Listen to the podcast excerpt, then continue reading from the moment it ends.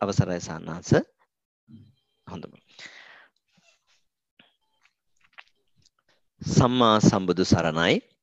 ශ්‍රී බුද්ධ වර්ෂ දෙදහස් පන්සිය හැට හතරක් වූ වෙසක් මස අව දියවක නාම පිතිලත් ශනිදින හෙවත් ව්‍යවහාරික වර්ෂ දෙදහස් විස්සක් වූ මැයි මස නමවන සෙනසුරාදා ශ්‍රී ලංකාවේ වේලාවෙන් සවස හතක් වූ මේ මොහොතේදී සූම් යෙදවුම හරහා අන්තර්ජාලය ඔස්සේ ඔබ අප සජීවීව එක් රැස්ව සිටිනුයේ පෞරාණික තේරවාදය ත්‍රිපිටක අධ්‍යන වැඩසටහනේ තුන්වෙනි දිගහැරුම සමගයි.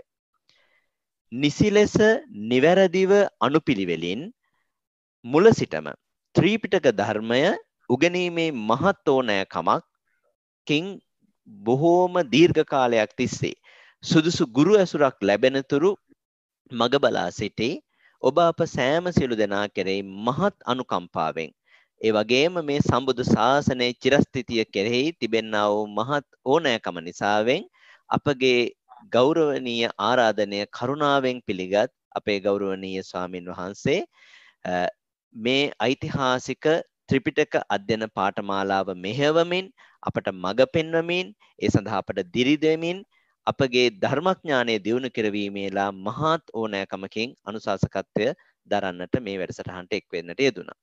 අද දවසේත් මේ උතුම් වැඩසටහනට අනුශාසකත්වය ආචාර්යත්වය සපයන අපගේ ගෞරවනීය ආචාර්යෝත්තමයතම ස්වාමීන්ද්‍රයන්න් වහන්සේ මහනුවර අම්පිටිය උඩගම චිත්ත විවේකාශ්‍රමාධිපති නම කියන්න අවසරයි පූජනීය ගලේවෙල ඥානදසන ස්වාමීන්ද්‍රයාණන් වහන්සේ ගෞරවනීය ස්වාමින් වහන්සේව මේ උතුම් දම් සභා මණ්ඩපයට අපි පාද නමස්කාර පූර්වකව පිළිගනු ලබනවා. සදහැවත් පින්වත් ධර්මාභිලාෂී පින්වතුනි ඔබ සියලු දෙනාට අද දවසේ මම තව බොහොම වටිනා පණිවිඩයකුත් ඉදිරිපත් කරන්න සූදානම් මේ වැඩසටහන ආරම්භ කරන්නට මත්තෙන්. ඒ තමයි මේ පාලි ත්‍රිපිටක ධර්මය හැදෑරීමේදී අතිශයම උපකාරී වන ශුද්ධ මාගදී භාෂාව හෙවත් පාලි භාෂාව පිළිබඳව යම් හෝ අවබෝධයක් ඔබට තිබේ නම් ඒක හරිම වටින කාරණයක් වෙනවා. නමුත් අපි දන්නවා බොහෝ දෙනෙක්ට මේ පාලි භාෂාව ඉගෙන ගන්න බොහොම අපහසු බව කියවෙනවා හුඟක් දෙනෙක් එහෙම හිතනවා. නමුත් ගෞරවනීය ස්වාමින් වහන්සේගේම අදහසකට අනුව මේ පාලි භාෂාව පිළිබඳවත් මූලික අවබෝධයක් දැනුමක් ලබා දෙන්න අද දවසේ සිට මේ පාඩමට පුංචි පාලි පාඩමකුත් එකතු කරන්නට ගෞරවනීය ස්වාමින් වහන්සේ තීරණය කරන්නට යෙදුණා. ඒ නිසාවෙන් මේ වැඩසටහනට සහභාගී වන ඔබ පොතක් පෑනක් ළඟට ළඟ තියාගන්නවා නම් බොහොම වටිනවා අවශ්‍ය කරන දෙයක් සටහන් කරගන්න ප්‍රයෝජනවත් වෙන නිසාවෙන්. හොඳයි.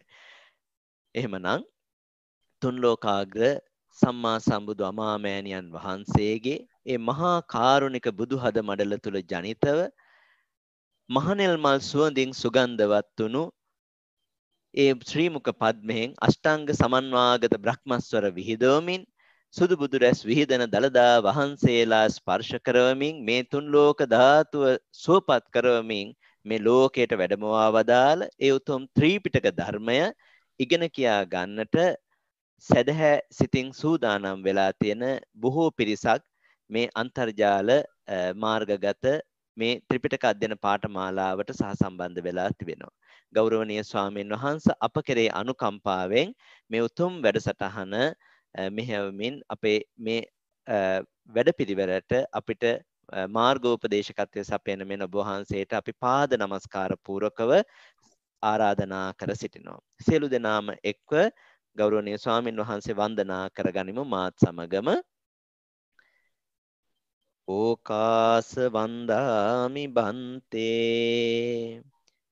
ඕකාස ద్వාරත්තයේන කතං සබ්බං අච්චයං කමතමේ බන්තේ. සාදු ඕකාස කමාමි බන්තේ. අවසරයි ස්වාමීනි. මේ තුම් ත්‍රිපිටක අධ්‍යයන පාඨමාලාවේ මේ තුන්වෙනි වැඩසටහනත් ආරම්භ කරමින් අපට මේ උතුම් වැඩසටහන තුළින් මේ ලෞතුරා බුදුරජාණන් වහන්සේගේ ධර්මය ඉගෙන ගන්න පරිසරය සලසා දෙන මෙන් ගෞරවයෙන් ආරාධනා කර සිටිනවා. අවසරයි සාන්නාස.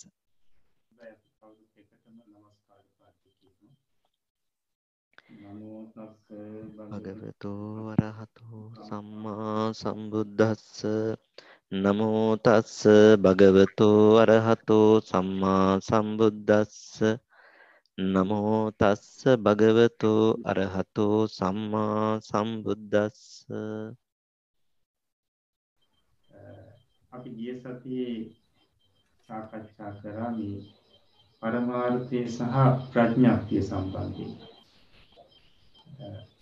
එතකොට පරමාර්ථය මොකක්ද ප්‍රඥාක්තිය මොකක්ද කියන කාරණාව සම්බන්ධයෙන් අද දවසෙත් අපි තව ටිකක් සාකච්ඡා කරන්න බලාපොරොත්තු වෙනවා. ඊට කලින් පිරිසට මතක් කරන්නට ඕනි අපේ මේ වැඩසටහනට තවත් කොටසක් අපි සම්බන්ධ කරගන්නවා අපේ කැලි මහත්තයත් එක්ක මතක් කරා පාලි අධ්‍යයනය.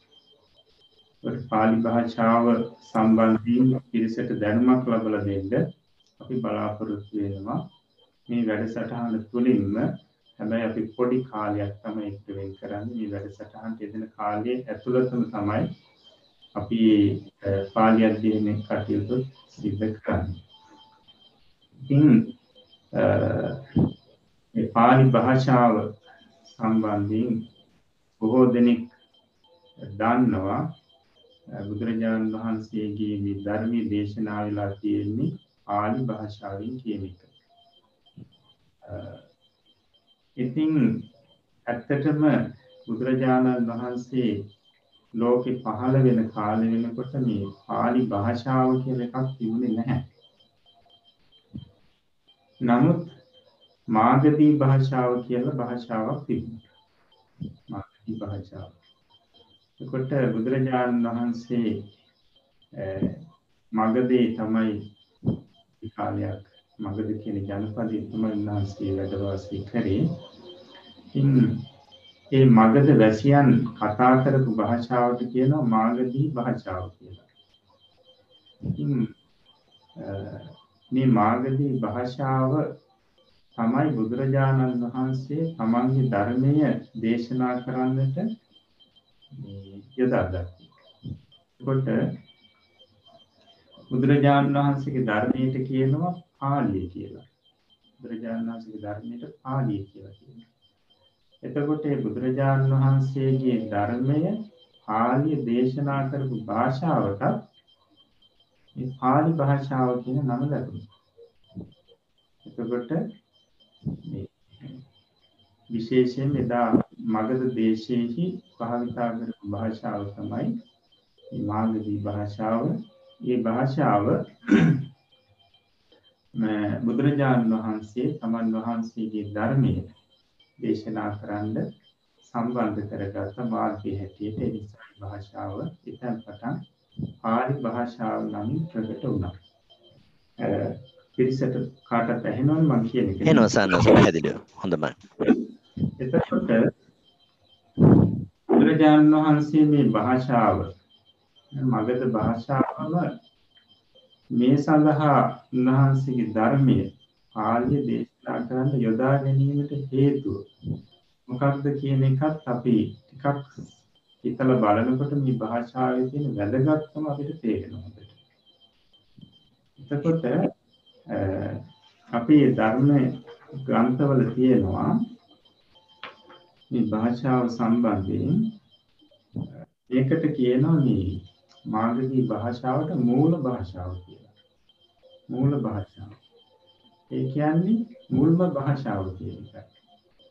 ඒකට මේ මූල භාෂාව නැත්නම් මුල්ම භාෂාව කියන්නේ හේතු මොකක්ද කියන එක මේ ධර්මයේම ග්‍රන්ථවල විස්තර කරලා තියෙනවා. ඒක ඒක කියවනකොට පැහැදිලි වෙයි.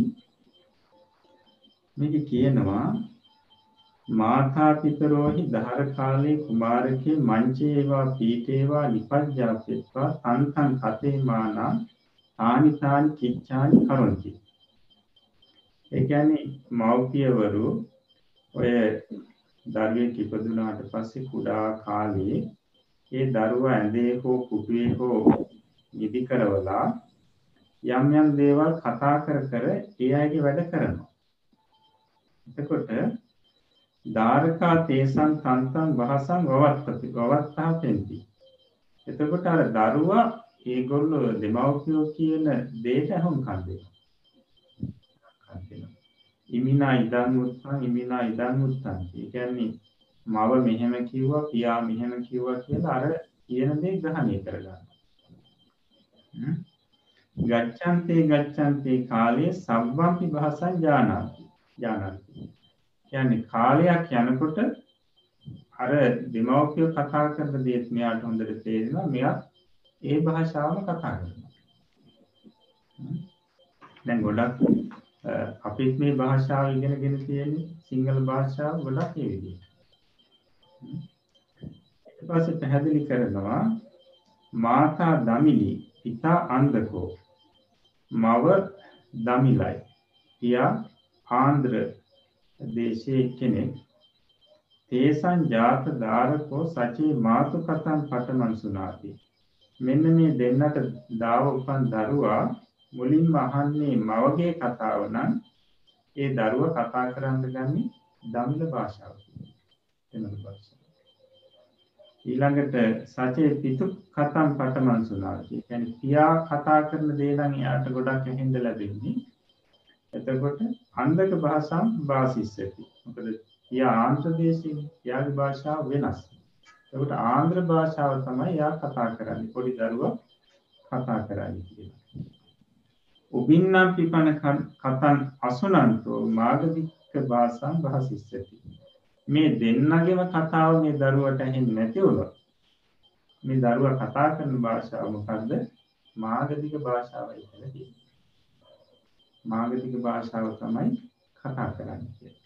එහෙනම් දැන් තේරෙන්නේ නැති මේ මූල භාෂාව කියන්නේ හේතු මොකක්ද මේක තමයි මූලිකම භාෂාව මාගධික භාෂාව. කියන්නේ සියලුම සත්‍යයන්ට සියලුම සත්‍යයන්ට මූල භාෂාව. එහෙම නැත්නම් අපි කියනවා ප්‍රකෘති භාෂාව. සංසාරයෙන් එන භාෂාව. එතකොට තව කතාවක් කියනවා යෝපි අගාමිකේ මහා අරඤ්ඤේ නිබ්බත්තෝ. දැන් දරුවෙක් මේ ඊටාම කැලෑබදු ප්‍රදේශයක ඉන්නේ. එයා ඉපදිලා ඒ ප්‍රදේශේ තමයි ඉන්නේ. තත්ත අඤ්ඤෝ කතෙන්තෝ නාම නත්ති. එතනදී ඒ ප්‍රදේශේ කතා කරන වෙන කෙනෙක් නැහැ මේ දරුවා හැරෙන්න. සෝපි අත්තනෝ ධම්මතාය වචනං සමුත්ථාපෙන්තෝ මාගතික භාෂාවේව භාසිස්සති. එතකොට ඒ දරුවා කතා කරන්න කතා කරන්න උත්සාහවත් වෙලා කතා කරනකොට මේ මාර්ගදී භාෂාව තමයි කතා කරන්නේ. දැන් අපි කියන පාලි භාෂාව. එතකොට මේ නිරයේ ප්‍රේත ලෝකේ ඒ වගේම දිව්‍ය ලෝක බ්‍රහ්ම ලෝකවල ආදී මේ මානවී භාෂාව තමයි ප්‍රකටව නැත්නම් බොහෝ පිරිසක් කතා කරන්නේ කියලා කියනවා. එතකොට දැන් අපි මේක පැහැදිලි කරනවා සම්මා සම්බුද්ධෝපි තේපිටකම් බුද්ධ වචන සම්තිං ආරෝපෙන්තෝ මාගතික භාෂායේ ඒව ආරෝපේසි. අන්නේ බුදුරජාණන් වහන්සේ මේ ත්‍රිපිටක බුද්ධ වචනය දේශනා කරන්න මේ මූල භාෂාවම තමයි තෝරගත්තේ. එහෙමනම් ඇත්තටම අපි කියන්නේ අපි අර කියන්නේ අපේ ඇඟේ තියෙන භාෂාව තමයි මේ මාගදී භාෂාව නැත්නම් පාලි භාෂාව. අපි වෙන භාෂාවක් ඉගෙන ගත්තාම මේ භාෂාව කතා කරනවා. හැබැයි භාෂාවක් ශබ්ද ඉගෙන ගත්තේ නැත්නම් අහලා දැනගත්තේ නැත්නම් කාගෙන්වත් මේ මාගදී භාෂාව තමයි කතා කරන්නේ කියලා කියනවා. එහෙමනම් මේ මාගදී භාෂාව ඉගෙන ගැනීම බොහොම වටිනවා. බොහොම වටිනවා. මොකද එක පැත්තකින් මේක මූල භාෂාව අනිත් පැත්තෙන් බුදුරජාණන් වහන්සේගේ මේ සුපිරිසිදු ශ්‍රී සද්ධර්මයේ උන්වහන්සේ දේශනා කරලා තියෙන්නේ මාගදී භාෂාව. බුදුරජාණන් වහන්සේගේ ධර්මය හොඳට අපිට තේරුම් ගන්නට නම් මේ මාගදී භාෂාව යම් පමණක දැනුමක් අපිට තියෙන්න ඊළඟට අපි මේ අභිධර්ම වැඩසටහනින් අභිධර්ම ඉගෙනගෙන ඉවරලා අපි සූත්‍ර සාකච්ඡා කරන්න ගන්නවා. එතකොට අපිට මේ සූත්‍ර කියවන කාලෙ වෙනකොට මේ pāli භාෂාව සම්බන්ධයෙන් යම් දැනුමක් අවශ්‍යයි. ඒකට ඒ දැනුම සකස් කරන්න අවශ්‍ය නිසාමත් අපි මේ වැඩසටහනට මේ pāli අධ්‍යයනයේ සුළුයෙන් සම්බන්ධ කරගෙන මේක දිගට කරගෙන යනවා. ඒ වගේම අපිට පිරිතක් හරියට කියන්න පිරිතක් හරියට උච්චාරණය කරන්න ඒ පාලි පද ඒ භාෂාව දැනගන්න. ඉතින් බුදුරජාණන් වහන්සේ දේශනා කරපු වචනයක් ඒ විදිහටම අපේ මුවින් කියන්න ලැබෙනවා කියන්නේ අපිට සංසාරේ ලොකු භාග්‍යයක්. ඒ නිසා ගෙදර ඉන්න වැඩිහිටියෝ වගේම දරුවන්ට ඉගෙන ගන්න දරුවන්ට අපි මේ කියලා දෙන ක්‍රමයෙන් මේ භාෂාව ඉගෙන ගන්න පුළුවන්. ඒ නිසා මේ අධ්‍යයනයට ළමයි සම්බන්ධ වෙනවා නම් බොහොම වටිනවා. මොකද ඒගොල්ලෝ තමයි ඉතින් අනාගතයේ මේ ධර්ම ඉදිරියට ගෙනියන්න සුරක්ෂිත කරගන්න පරම්පරාව. ඉතින් මේ භාෂාව අපේ ලංකාවේ බොහෝ දෙනෙක් ස්වාමීන් වහන්සේලා නම් දන්නවා ගිහි පිරිසක් දන්න පිරිස ඇති ඒ වගේම ඔය කතා කරන පිරිසුත් ඉන්නවා අපි ගුරුමේ එක ස්ථානයක් තියෙනවා මහා විහාරය කියලා. ඉතින් ඒකේ ඉන්න ස්වාමීන් වහන්සේලා ඔය පාලි භාෂාවෙන් කතා කරනවා. එතකොට ස්වාමීන් වහන්සේ කෙනෙක් මුණ ගැහුණාම අහනවා කච්චිබන්තේ කමනීයම් කච්චියාපනීයම් ඒ අහන්නේ ස්වාමීන් වහන්සේට කොහොමද? අපි කෙනෙක් මුණ ගැහුණාම අහන්නේ කොහොමද කියලා. එතකොට අපි උත්තර දෙනවා කමනීයන් අවසෝ යාපනීයන් අවසෝ පැවැත්මි අපි මම බොහොම හොඳින් ඉන්නවා. දැන් මේක එනවා අපිට ගිරි මොකද්ද? මහා මොග්ගල්ලාන මහා කාශ්‍යප කස්සප තේර බොජ්ජංගවල පිරිත්වලදී. මේ අහනවා බුදුරජාණන් වහන්සේ. මේ මුගලන් සාමීන් වහන්සේගෙන් ඒ වගේම කාශ්‍යප සාමීන් වහන්සේගෙන් කච්චිතේ මොග්ගල්ලාන කමනීය කච්චියාපනීය ඒ වගේම ස්වාමීන් වහන්සේලා වුණ ගැහුණාම සක්කානුකෝ බන්ති ඉමස්ස පදස්ස අත්ථ විග්‍රහං කාතු. ඔය විදිහට කතා කරනවා. කියන්නේ ස්වාමීනි මේ පදේ අර්ථය මට පැහැදිලි කරලා දෙන්න පුළුවන්. ඒ බාහිර මේක බොහෝම අර අපේ කනට මිහිරි භාෂාවක් එක පැත්තකින්. ඒ වගේම තමයි මේ භාෂාව හොඳටම උච්චාරණය කරන්න පුළුවන් මේ ශ්‍රී ලංකාවේ පිරිසට. සිංහල කතා කරන සිංහල භාෂාවත් එක්ක බොහොම සමීපයි. සිංහල කතා කරන පිරිසට තමයි මේ පාලි භාෂාව හොඳට උච්චාරණය කරන්න පුළුවන්. ඉතින් ඒ නිසා මේ බුදුරජාණන් වහන්සේ අපේ මේ ශ්‍රී ලංකාදීපේ බුද්ධ ශාසනය අවුරුදු 5000ක් පවතිනවා කියන එක දැක්කා. ඉතින් විශේෂයෙන්ම මේ උන්වහන්සේ දේශනා කරපු මේ ධර්මයේ දේශනා කරපු භාෂාවත් හොඳට හසුරවන්න පුළුවන් ශ්‍රී ලාංකිකයන්ට කියන එක උන්වහන්සේ දකින්න ඇති. ඉතින් ඒ නිසා අපි කුණන්දයෙන් යුතුව භාෂාව ඉගෙන ගන්නවා නම් බොහොම වටිනවා. බුදුරජාණන් වහන්සේ දේශනා කරපු ධර්මයේ අර්ථය අපිට හොඳට උකහා ගන්න පුළුවන්. ඒ නිසා අපි සාමාන්‍ය පොඩි දරුවෙකුට උනත් ග්‍රහණය කරගන්න පුළුවන් ක්‍රමයට තමයි මේ පාලි භාෂාව උගන්වන්න බලාපොරොත්තු වෙන්නේ. ඒ නිසා හැම දිනකටම අපි ආරාධනා කරනවා මේ පාලි භාෂාව ඉගෙන ගැනීමත් බොහෝ උනන්දුවෙන් යුතුව ධර්මයේ ඉගෙන ගන්නවා හා සමානව බොහොම උනන්දුවෙන් යුතුව සෑම සිළු දෙනාම ඉගෙන ගැනීම සඳහා උත්සාහවත් වෙත්වා කියලා අපි ආරාධනා කරනවා. හොඳයි. අපි එහෙමනම් මේ පාලි ඒ භාෂාව ඉගැන්වීම කියන එක අපි මේ වැඩසටහනේ අවසානයේ අවසාන විනාඩි 5 වගේ තමයි කරන්නේ. හැමදාම මේ විදිහටයි අපි කරන්නේ අද මේ පැහැදිලි කිරීම සිද්ධ කරන නිසා තමයි මුලින් කරුණු කීපයක් මතක් කරේ. හොඳයි දැන් අපි අපේ අභිධර්ම පාඩමට නැවත සම්බන්ධ වෙමු එතකොට එදා අපි කතා කරා මේ පරමාර්ථය සහ ප්‍රඥප්තිය සම්බන්ධය.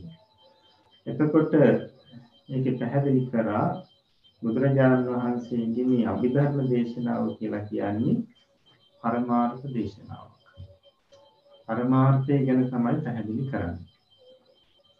එතකොට මේ පරමාර්ථය කියන්නේ මොකක්ද කියන එක පැහැදිලි කරා කොහොමද? දැන් අපි අපි යමක් දැකලා යම් දේවල් අහලා යමක් කියවලා ඒ තුලින් හිතට දැනෙන දේට අපි කියව අර්ථය කියලා. එතකොට මේ හිතට දැනෙන දේ නැත්නම් අර්ථ මේ අර්ථ සැබෑවටම තියෙන අර්ථයක් තියෙනවා සැබෑවටම නැති අර්ථයක් තියෙනවා. නැත්නම් අපිට හිතට දැනෙන අර දේවල් තුලින් හිතට දැනෙන දේ දේවල් අතර සැබෑවටම තියෙන දේවලුත් තියෙනවා සැබෑවටම නැති දේවලුත් තියෙනවා. එතකොට ඇත්තටම සැබෑවටම නැති දෙයට වඩා සැබෑවටම ඇති දේ උසස්. ඒ නිසා මේ උසස් කියන අර්ථයෙන් උසස් අර්ථය කියන අර්ථයෙන් පරමාර්ථය කියලා පැහැදිලි කරා. එතකොට පරමාර්ථයක් හඳුනා ගන්නට නම් මේ සජීවී අජීවී වස්තුන් බෙදලා බලන්න ඕන කියලා. සජීවී අජීවී වස්තුන් බෙදලා බලාගෙන යනකොට තමයි මේක පරමාර්ථයට දයිති මේක ප්‍රඥාත්තියට දයිති කියලා දැනගන්න පුළුවන්. එතකොට සැබෑවටම ඇති අර්ථයට අපි කිව්ව පරමාර්ථය කියලා සැබෑවටම නැති අර්ථයට කියන්නේ තියෙනවා කියලා පේනෙනවා. හැබැයි බෙදලා බලනකොට නැති වෙලා යනවා. අන්න ඒකට අපි කිව්වා ප්‍රඥාක්තිය. එහෙම නැත්නම් තවත් වචන දෙකක් අපි භාවිතා කරා මොනවද? සම්මුතිය සහ හීනාර්ථය. සම්මුතිය හීනාර්ථය. ඉතින් අපි ඒකට උදාහරණයකුත් පොතේදීම පැහැදිලි කරා මොකද්ද මේ ගිනි පෙනෙල්ලක් කෙනෙක් කරකවනවා එතකොට අපිට පෙනෙනවා ගිනි වලල්ලක්. එතකොට ගිනි වලල්ල කියන එක අපිට පේන්න තියෙන දේ, තියෙනවා වගේ පේන දේ. ඒක හැබැයි ගිනි වලල්ල කියන එක නැහැ. ගිනි පෙනෙල්ලේ වේගවත් ගමන නිසා තමයි ගිනි වලල්ලක් පෙනෙන්නේ. එහෙමනම් එතන සැබෑවටම තියෙන දේ ගිනි පෙනෙල්ල. ගිනි වලල්ල හරියට ප්‍රඥාප්තිය වගේ ගිනි පෙනෙල්ල හරියට පරමාර්ථය වගේ. එතකොට ඒක උපමාවක් විතරයි. හැබැයි ගිනි පෙනෙල්ල පරමාර්ථය කියන නෙවෙයි. දැන් සමහර කෙනෙකුට ප්‍රශ්නයක් නැගිලා තිබුණා. දැන් අපි කියවනේ මේ පරමාර්ථය හඳුනා ගන්න මේ වස්තුන් සජීවී අජීවී වස්තුන් බෙද බෙදා බලන්නට බෙද බෙදා බලනකොට අවසානයේ බෙදිය නොහැකි තත්ත්වයේ තියෙන දෙයට තමයි පරමාර්ථය කියලා කියන්නේ. එතකොට කෙනෙකුට ඒ ප්‍රශ්නේ නැගිලා තිබුණා මේ පරමාර්ථය කියන්නේ ඇත්තටම මේ ශූන්‍යතාවයද කියලා. ශූන්‍යතාවය කියලා කියන්නේ හිස් කියන අර්ථයෙන්. නමුත් එහෙම නෙවෙයි. පරමාර්ථය කියලා යමක් තියෙනවා. පරමාර්ථය කියලා යමක් තියෙනවා මම ඒකට අද Eh, එක උපමාවක් උපමාවක් දක්වන්න මෙහෙම. Eh, මේ උපමාව දක්වන්නේ මේ පරමාර්ථය කියන්නේ ශූන්‍ය දෙයක් නොවේ කියන එක පෙන්වනවා. දැන් අපි eh, බලමු මේසයක් කියන එක. සාමාන්‍ය මේසයක්. එතකොට මේසේ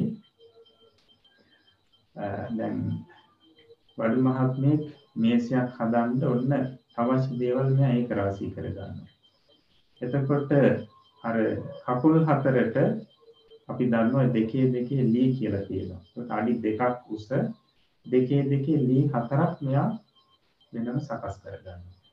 ඊළඟට මේ කකුල් හතර සම්බන්ධ කරන්නට රීප් අඩි 3ක් දිග රීප් දෙකකුත් ඒ වගේම අඩි 1කමාරක් දිග රීප් දෙකකුත් සකස් කරගන්නවා. ඊළඟට මේකේ උඩ තට්ටුවට අඩි 4ක් දිග අඟල් 6ක් පළල ලෑලි හතරක් සූදානම් කරගන්න. ඊළඟට ඇන 24ක් ඇන 24ක් සූදානම් කරගන්න. එතකොට දැන් මේ ඊළඟට මේ ලෑලි ලෑලි හතර සම්බන්ධ කරන්න තවත් අඩි එක හමාරක් දිග ශීප දෙකක් සකස් කරගන්න දැන් එතුට ඔක්කොම මොනවද තියෙන්නේ? ලෑලි. වගේ අඩි හතරක් දිග අඟල් හයක් පළල ලෑලි හතරක් තියෙනවා. ඊට පස්සේ රීප් අඩි තුනක් දිග රීප්ප දෙකක් තියෙන අඩි එක හමාරේ රීප්ප හතරක් තියෙනවා. ඊළඟට දෙකේ දෙකෙලි හතරක් තියෙනවා. අඩි දෙකක් උසයි. ඊළඟට ඇන විසි හතරක් තියෙනවා. එතකොට මේ වඩු මහත්මයා. දැන් මේ ඇඳ මේ මේසි හදනවා. එතකොට කොහොමද කරන්නේ? ඉස්සල්ලාම අර කකුල් හතර ගත්තේ ලී ටික එකට සම්බන්ධ කරනවා. සම්බන්ධ කරන්නේ කොහොමද?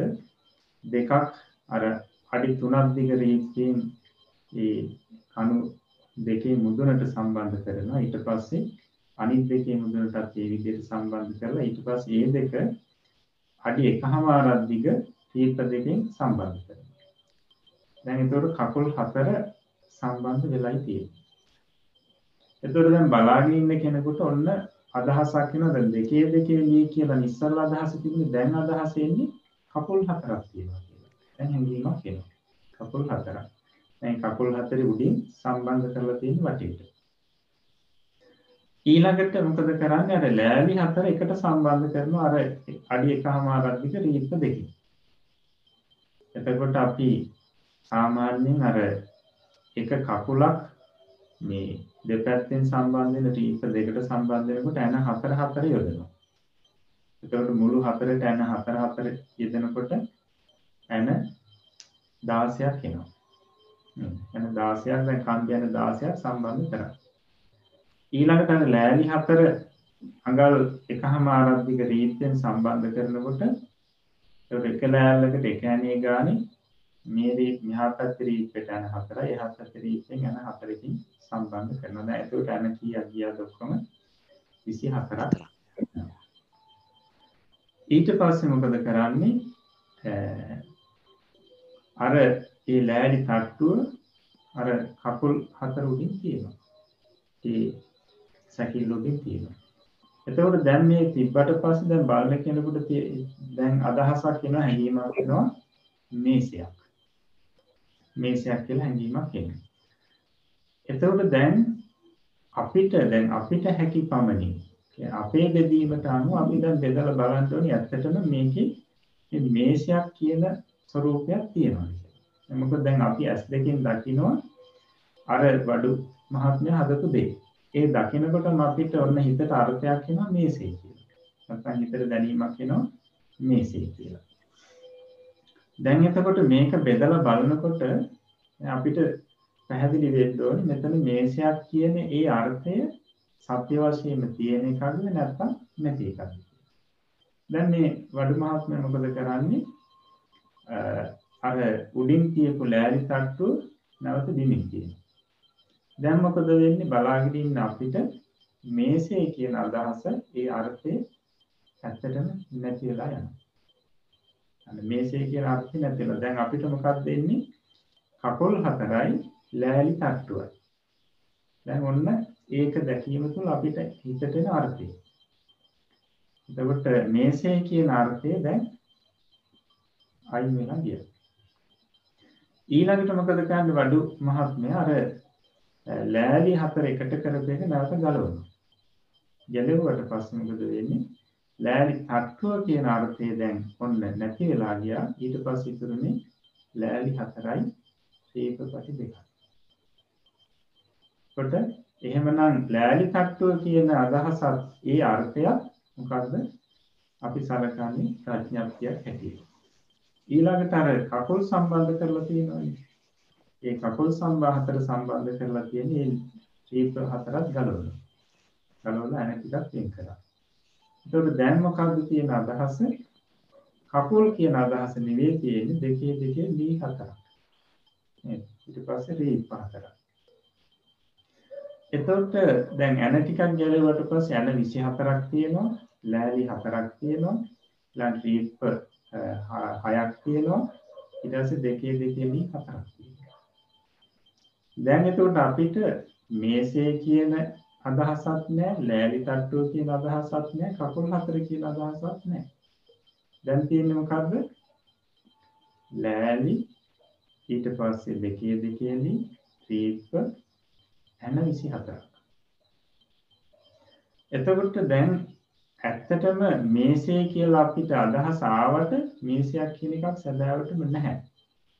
මොකද මේ ගලවලා බැලුවට පස්සේ වෙන් කරලා බලනකොට දැන් මෙතන මේ තුල මේසයක් නැහැ. දැන් අපි ඒ ටික දිහා බලනකොට අපිට මේසයක් කියන අදහසක් එන්නේ නැහැ. ඊළඟට ලෑලි තට්ටුවක් කියන අදහසක් එන්නේ නැහැ. ඊළඟට කකුල් හතරක් කියන අදහසක් එන්නේ නැහැ. දැන් අපිට මොකක්ද අදහස එන්නේ? අර මම මුලින් කියපු විදිහට ඇන ටිකක්, ලෑලි ටිකක්, ක්‍රීප් ටිකක්, ළඟට දෙකෙන් එකේ දී ටිකක්. එතකොට දැන් අපේ බෙදීමට අනුව අපි මේසේ කියලා හිතාගෙන හිටපු ලෑලි තත්ත්ව කියලා හිතාගෙන හිටපු කකුල් හතර කියලා හිතාගෙන හිටපු මේ අර්ථය මග හැරිලා ගිහිල්ලා මේ අර්ථය නැති වෙලා ගිහිල්ලා ඇත්තටම මෙතන තියෙන දේ ගැන දැන් අපිට අදහස් එනවා. එතකොට ඇත්තටම මොනවද තියෙන්නේ? මෙතන ඇත්තටම තියෙන්නේ ඇනලිසි හතරයි ඊට පස්සේ ලෑලි හතරක් දීප හයක් දෙකේ දෙකදී හතරක්. එහෙමනම් සත්‍ය වශයෙන්ම තියෙන්නේ මේ ටික. සත්‍ය වශයෙන්ම තියෙන්නේ මෙන්න මේ ටික. ඒකට මේසේ ලෑලි තට්ටු කකුල් හතර කියන ඒවා හරියට මේකට අපි ගල්පලා බලනකොට හරියට ප්‍රඥාක්තිය වගේ. හැබැයි අර ඇනටික ආදී මේ ටික හරියට ගලපලා බලනකොට මේ උපමාවේ හැටියට මේක පරමාර්ථය හා සමානයි. එහෙමනම් දැන් අපිට තේරෙනවා මේ පරමාර්ථය කියලා කියන්නේ නැති දෙයක් නෙවෙයි.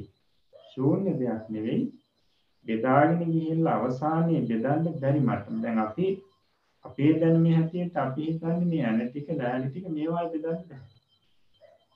මේ අන්තිම බෙදීම.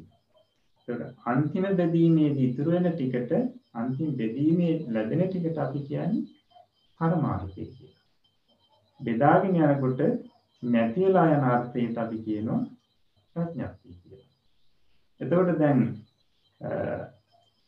මේ මේ සාමාන්‍ය උදාහරණයක් ගත්තේ මම මේ ඉතුරු වෙන ඇන ටික කියන්නේ පරමාර්ථය කියලා කිව්වත් නෙවෙයිනේ. අපිට අවශ්‍යනේ මේ පරමාර්ථය කියන්නේ ශූන්‍යතාවයක් නෙවෙයි කියලා කියනවා. මෙන්න මේ විදිහට බුදුරජාණන් වහන්සේ මේ ලෝකයේ තියෙන සජීවී අජීවී වස්තුන් උන්වහන්සේගේ මහා ප්‍රඥාවෙන් මහා ප්‍රඥාවෙන් මේ විශ්වයේ තියෙන සියල්ලක් මස්ලක් මුල්ලක් නෑර තියෙන සියල්ලක් උන්වහන්සේ ප්‍රඥාවෙන් විමස විමස බැලුවා. බෙද බෙදා බැලුවා. මේ බෙද බෙදා බලනකොට උන්වහන්සේට අවසානයේ පෙනෙනවා නුවණට බෙදන්න බැරි මට්ටමක්. බෙදන්න බැරි තත්ත්වයේ ධර්ම ටිකක් පෙනෙනවා. අන්න ඒ ධර්ම වලට තමයි ඒ පරමාර්ථය කියලා කියන්නේ. එතකොට දැන් අපේ බෙදීමනේ අපි දැන් මේසේ බෙදී මේසේ බෙදපු ආකාරය අපේ බෙදීම. එතකොට දැන් අපි මේසේ ඒ විදිහට බෙදාගෙන යනකොට අපිට අවසානයේ ලෑලි ටිකක් යන ටිකක් මේවා ඉතුරුනා. එතකොට දැන් ඒවා ද්‍රව්‍ය ස්වરૂපයේ තියෙන දේවල්. ද්‍රව්‍ය කියලා කියන්නේ දිගක් පළලක් පාටක් තියෙන දෙයක තමයි අපි ද්‍රව්‍ය කියලා කියන්නේ. එතකොට ඇහැට දකින්න පුළුවන් දේවල් ද්‍රව්‍ය කියලා කියනවා. දැන් අපිට ඉතුරුනේ ද්‍රව්‍ය ස්වરૂපයේ තිබුණු දේවල්. හැබැයි බුදුරජාණන් වහන්සේගේ බෙදීමට අනුව ලැබෙන දේවල් يعني පරමාර්ථ වශයෙන් ලැබෙන දේවල් ද්‍රව්‍ය ස්වરૂපයේ තියෙන දේවල් නෙවෙයි. එහෙනම් හැඩයක් තියෙන දෙයක්, පැහැයක් තියෙන දෙයක් නෙවෙයි. ඉතින් අපි හිතලා බැලුවොත් දැන් පරමාණුවක් ගත්තාම ඊටාම සියුම් දෙයක්.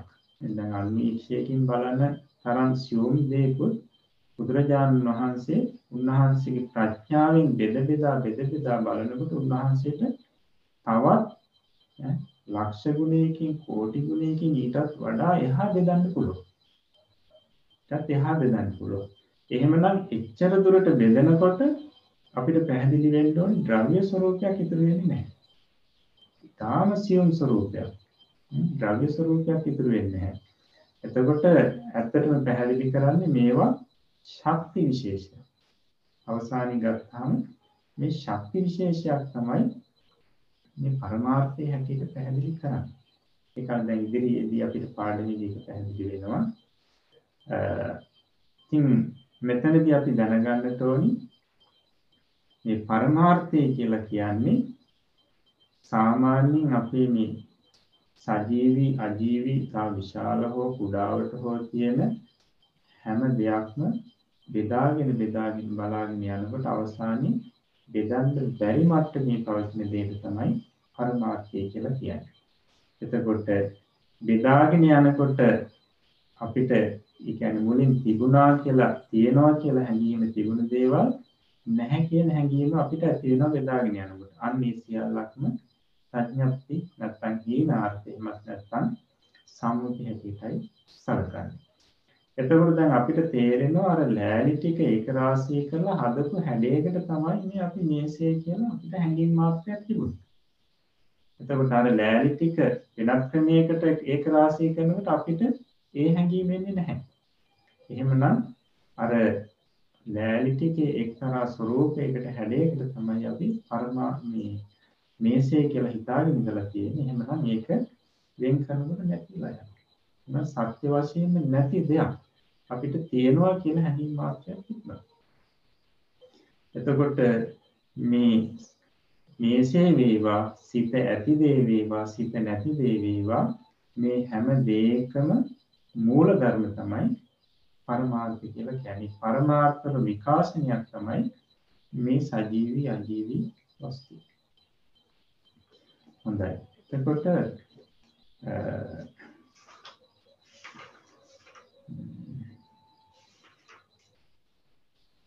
ඉතින් නැවත නැවතත් අපිට මතක් කරන්න තියෙන්නේ බුදුරජාණන් වහන්සේගේ මහා ප්‍රඥාවෙන් යුතුව මේ සියලුම සජීවී අජීවී වස්තුවල මූල ස්වરૂපය උන්වහන්සේ මනාවම අවබෝධ කරගත්තා.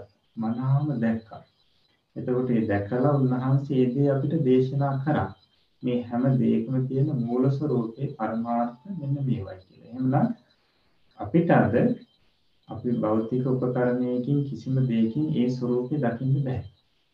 ඒ ස්වરૂපේ දකින්න බෑ. නම් බුදුරජාණන් වහන්සේ කෙරෙහි ශ්‍රද්ධාව පිහිටුවාගෙන මේ බුදුරජාණන් වහන්සේ දේශනා කරපු දේ අපි මේ බොහෝම ශ්‍රද්ධාවෙන් පිළිගැනීමෙන් තමයි අපිට මේ පරමාර්ථය නැත්නම් මේ අභිධර්ම දේශනාව ඉගෙන ගන්න පුළුවන් වෙන්නේ. හොඳයි. එතකොට ඊළඟට අපිට තියෙන්නේ පරමාර්ථ සතර. පරමාර්ථ සතර කියන පාඩමයි. එතකොට එදා අපි මේක කිව්වේ නැහැ නේද? නෑ සනන්ද. හොඳයි කියන්නේ. හොඳයි.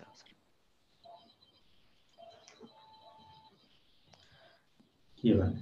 හොඳයි අවසරයි. තුන්වෙනි පාඩම පරමාර්ථ සතර. සත්වයන් සහිත වූ මේ ලෝකයේ ඊතා සියුම් ලෙස විභාග කළාම අන්තිමටම ලැබෙන ඊ타ම සියුම් ස්වභාවයෝ පරමාර්ථ ධර්මයෝය. ලෝකයට අයත් සියල්ලේම මූලික ධර්මයෝ පරමාර්ථයෝය. ඒවා ගල් කැට මැටි ගල් කැට මැටි කැට ආදිය බඳු ද්‍රව්‍යයන් නොව බලවේගයෝය. එබැවින් දිග් බව කෙටි බව කුඩා බව මහත් බව වට බව සතරැස් බව ආදී සටහන් ඒවාට නැත්තේය. චිත්තය චෛතසිකය රූපය නිර්වාණයයි කොටින් කියන කල්හි පරමාර්ථ සතරකි. චිත්තය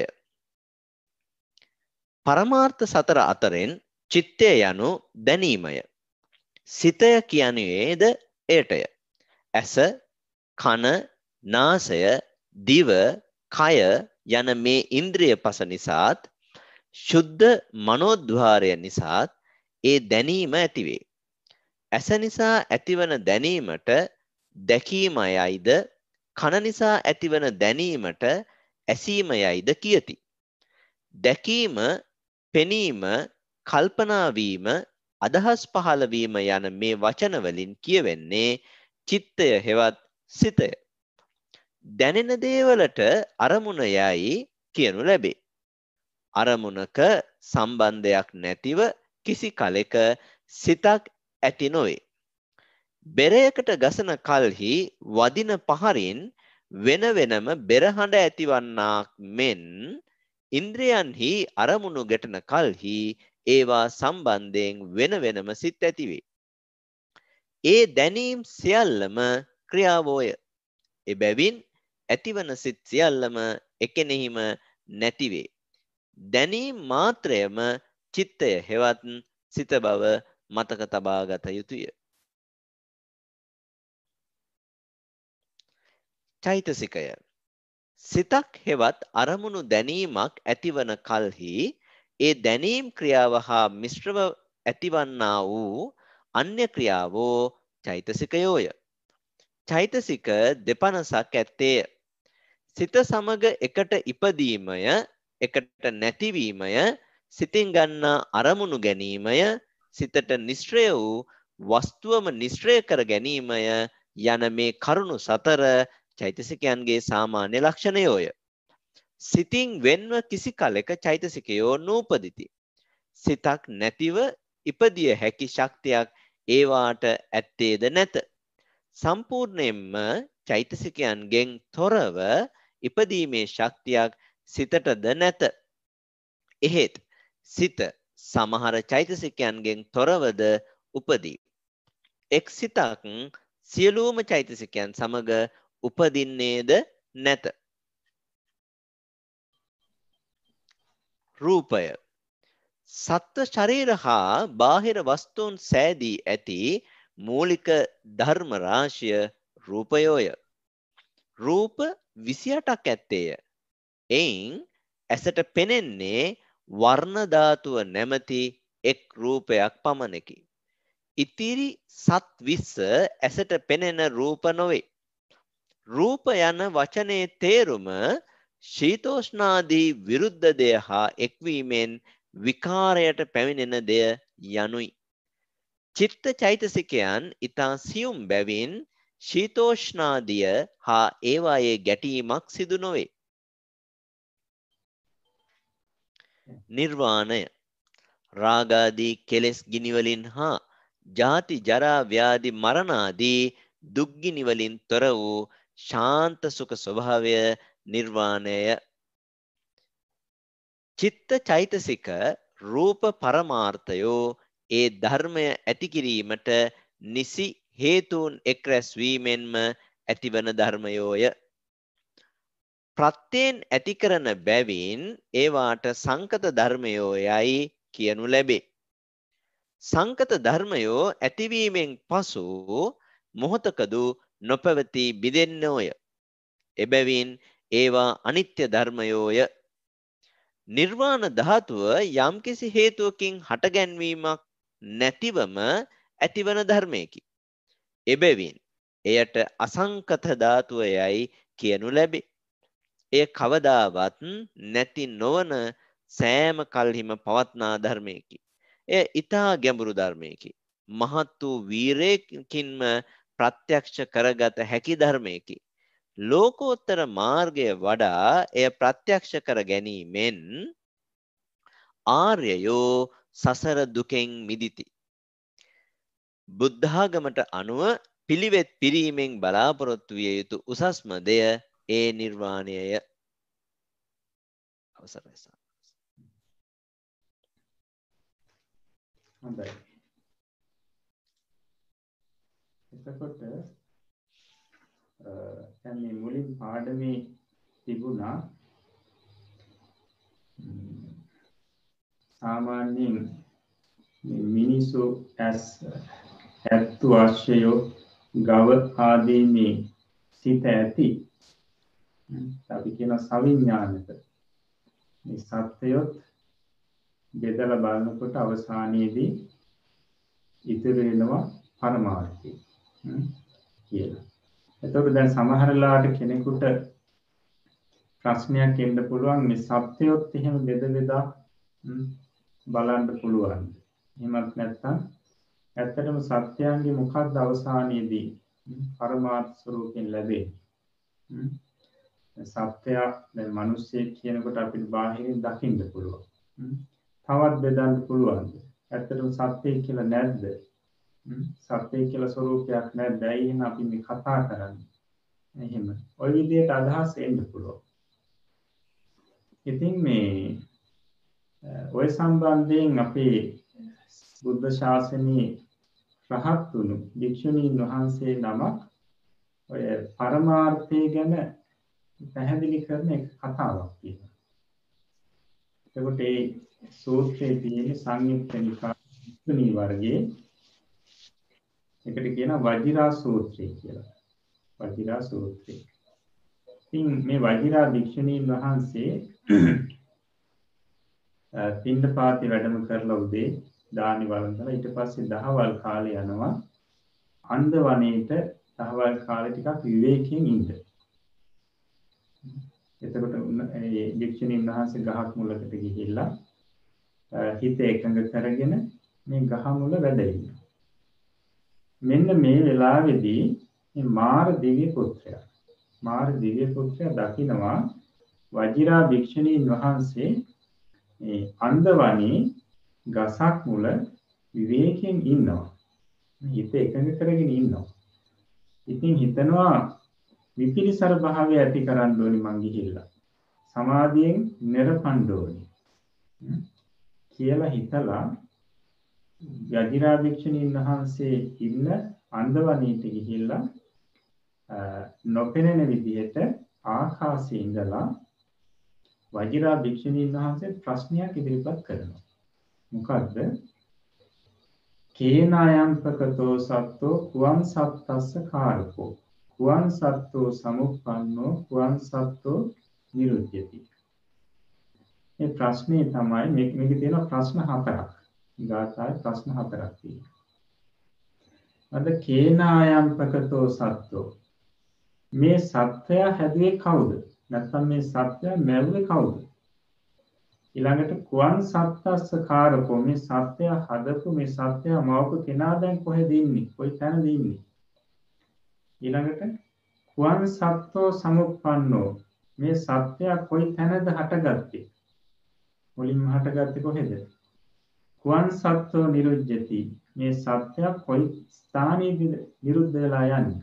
නැති වෙලා යන්නේ. දැන් ප්‍රශ්න හතරක්. දැන් මේ ප්‍රශ්න හතර අපින් අහුවොත් අපි එක එක උත්තර දෙනවා. එක එක උත්තර දෙනවා. දැන් මේ මාර දිව්‍ය පුත්‍රයා මේ ප්‍රශ්න ඇවිල්ලා අහන්නේ මේ භික්ෂුණියගේ මේ එකඟතාවය නැති කරලා දාන්න. හිතේ විපිලිසර ඇති කරන්න. අපහසුවට පත් කරන්න තමයි මේ ප්‍රශ්න හතර අහන්නේ. ඒතර කවුද මේ සත්‍යය නැවුවේ? නැත්තම් ඇති කරේ? ඒ සත්‍යය මවපුතනා දැන් කොහෙද ඉන්නේ? මේ සත්‍යය කොහෙදද හටගත්තේ? මේ සත්‍යය කොහෙදද නිරුද්ධ වෙලා යන්නේ? ප්‍රශ්න හතරයි. වජිරා භික්ෂුණීන් වහන්සේ බලනවා කවුද මේ ප්‍රශ්න මේ ගාථා ඉදිරිපත් කරේ? මේ ගැළපෙන්නේ නැති ප්‍රශ්න මාලාවක්. ඉතින් ඒ වෙලාවේ හිතෙනවා මේ මාර දිව්‍ය පුත්‍රයා තමයි මේ ප්‍රශ්න මට ඉදිරිපත් කළේ. මගේ මේ හිතේ එකඟ බව නැති කරන්න මාව අපහසුවට පත් කරන්න මේ ප්‍රශ්න ඇහුවේ. ඊට පස්සේ වජිරා භික්ෂුණීන් වහන්සේ උත්තර දෙනවා. කොහොමද? කින්නු සත්තෝති පච්චේසි මාර දිට්ටි ගතන්නුතේ සුද්ධ සංඛාර පුඤ්ජෝ යන්නේද සත්වෝපලබ්ධති කියනවා මේ මාර මාර දිව්‍ය පුත්‍රයනි නුඹ වැරදි දැක්මකට ගිහිල්ලා තියෙනවා. වැරදි දැක්මක ඉඳගෙන අය ප්‍රශ්නේ අහන්නේ. සුද්ධ සංඛාර පුඤ්ජෝ යන්නේද සත්වෝපලබ්ධති.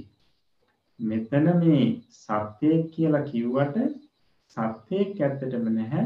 පොදු මේ සංස්කාර ගොඩක් නැත්නම් පරමාර්ථ ධර්ම සමූහයක් විතරයි තියෙන්නේ. සත්‍යයක් කියලා නැහැ දෙයක්.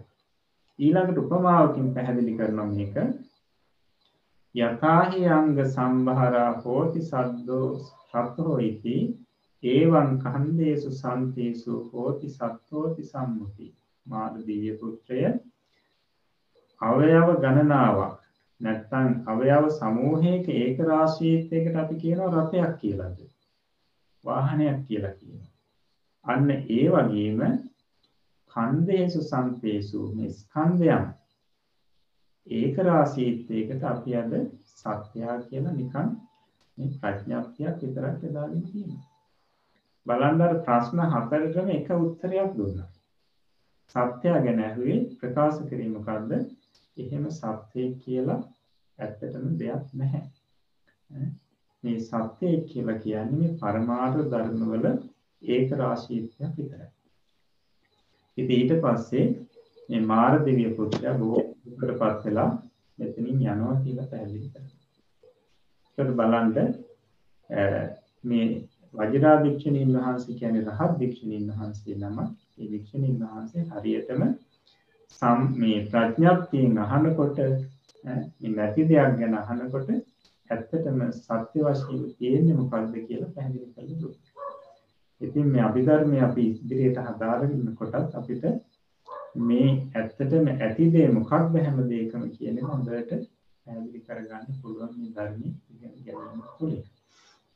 හොඳයි අපි පාඩමට යනකොට එතකොට පරමාර්ථ සතර කියන මේ පාඩමේදී මාතෘකාව යටතේ තියෙන පාඩමේදී පැහැදිලි කරනවා සත්‍යයන් සහිත මේ ලෝකේ ඊතා සියුම් ලෙස විභාග කළාම අන්තිමේටම ලැබෙන ඊතාම සියුම් ස්වභාවය පරමාර්ථ ධර්මය. ඒකට සත්‍යයන් සහිත මේ ලෝකයේ තියෙන සෑම දෙයක් ඊතාම සියුම් බෙද බෙදා බලනකොට අවසානයේදී ලැබෙන දේ නොබෙදිය හැකි දේ තමයි පරමාර්ථ කියලා කියන්නේ. එතකොට ලෝකයට අයිති මේ සියලුම දේ මූල ස්වરૂප පරමාර්ථයි. එතකොට ඒවා මේ ගල් කැට මැටි කැට පස් වගේ දේවල් ද්‍රව්‍ය ස්වරූපයේ තියෙන දේවල් නෙවෙයි. එතකොට කියනවා බල වේග. යන්නේ ශක්තිය. මොකද මම මුලින්ම පැහැදිලි කරා පරමාණුව කියන එකත් තව ලක්ෂ ගුණයකින් කෝටි ගුණයකින් උත් එහාට බෙදාගෙන යනකොට අපිට ওই ද්‍රව්‍ය කියන ස්වરૂපයක දෙයක් ඉතුරු වෙන්නේ නැහැ. එතකොට මේ පරමාර්ථ කියලා කියන්නේ බල වේග නැත්නම් ශක්තිය. ඇත්තටම නැති දෙයක් නෙවෙයි බෙදාගෙන ගිහින් අවසානයේ බෙදන්න බැරි මට්ටමේ තියෙන දේ. එතකොට ඒ නිසා මේ පරමාර්ථ ධර්ම වලට දිග බවක්, කෙටි බවක්, කුඩා බවක්, මහත් බවක්, සම් වටකුරු බවක්, හතරස් බවක් මේ කියන ස්වરૂප නැහැ. එතකොට පරමාර්ථ ධර්ම තියෙනවා මූලික වශයෙන්ම හතරක්. අපි එදත් පැහැදිලි කරා මොනවද? චිත්තය, චෛතසිකය, රූපය, නිර්වාණය. ඒකට පරමාර්ථ ධර්ම මූලික වශයෙන් හතරක්. ඒ තමයි චිත්තේ, චෛතසිකේ, රූපේ, නිර්වාණය. එතකොට දැන් මේ හතර ඔන්න එකින් එක දැන් පැහැදිලි කරනවා. දැන් මෙතන යම් පැහැදිලි කිරීමක් කරනවා නමුත් මේ ඉදිරියේ පාඩම් අපිට එනවා ඒ තැන්වලදී මේ චෛතසික රූප ගැන නැවත දීර්ඝ විස්තර කරනවා. මෙතන කෙටියෙන් මේක පැහැදිලි කරලා තියෙනවා. එතකොට මේ පැහැදිලි කිරීම මෙතනදී මේක තේරුම් නැහැ කියලා කලබල වෙන්න එපා. ඉදිරියේදී මේවා නැවත පැහැදිලි කරනවා. එතකොට තමයි මේවා මනාව පැහැදිලි වෙනවා. දැන් චිත්තය කියලා කියන පරමාර්ථ සතර අතරින් චිත්තය කියලා කියන්නේ දැනීමට. අපිට යම් දැනීමක් කියලා දෙයක් අපිට ග්‍රහණය වෙනවා නම් මේක තමයි සිත කියලා කියන්නේ. සිත කියලා කියන්නේ.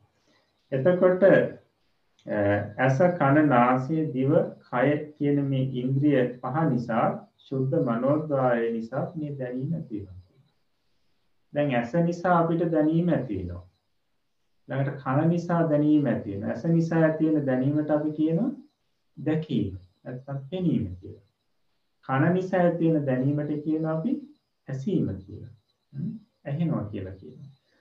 මෙන්න මේ විදිහට දිව නිසා, නාසය නිසා, කය නිසා අපිට දැනීමක් ඇති දිව නිසා දැනෙන දැනීමට අපි කියනවා රසය නේද? රස දැනෙනවා කියලා.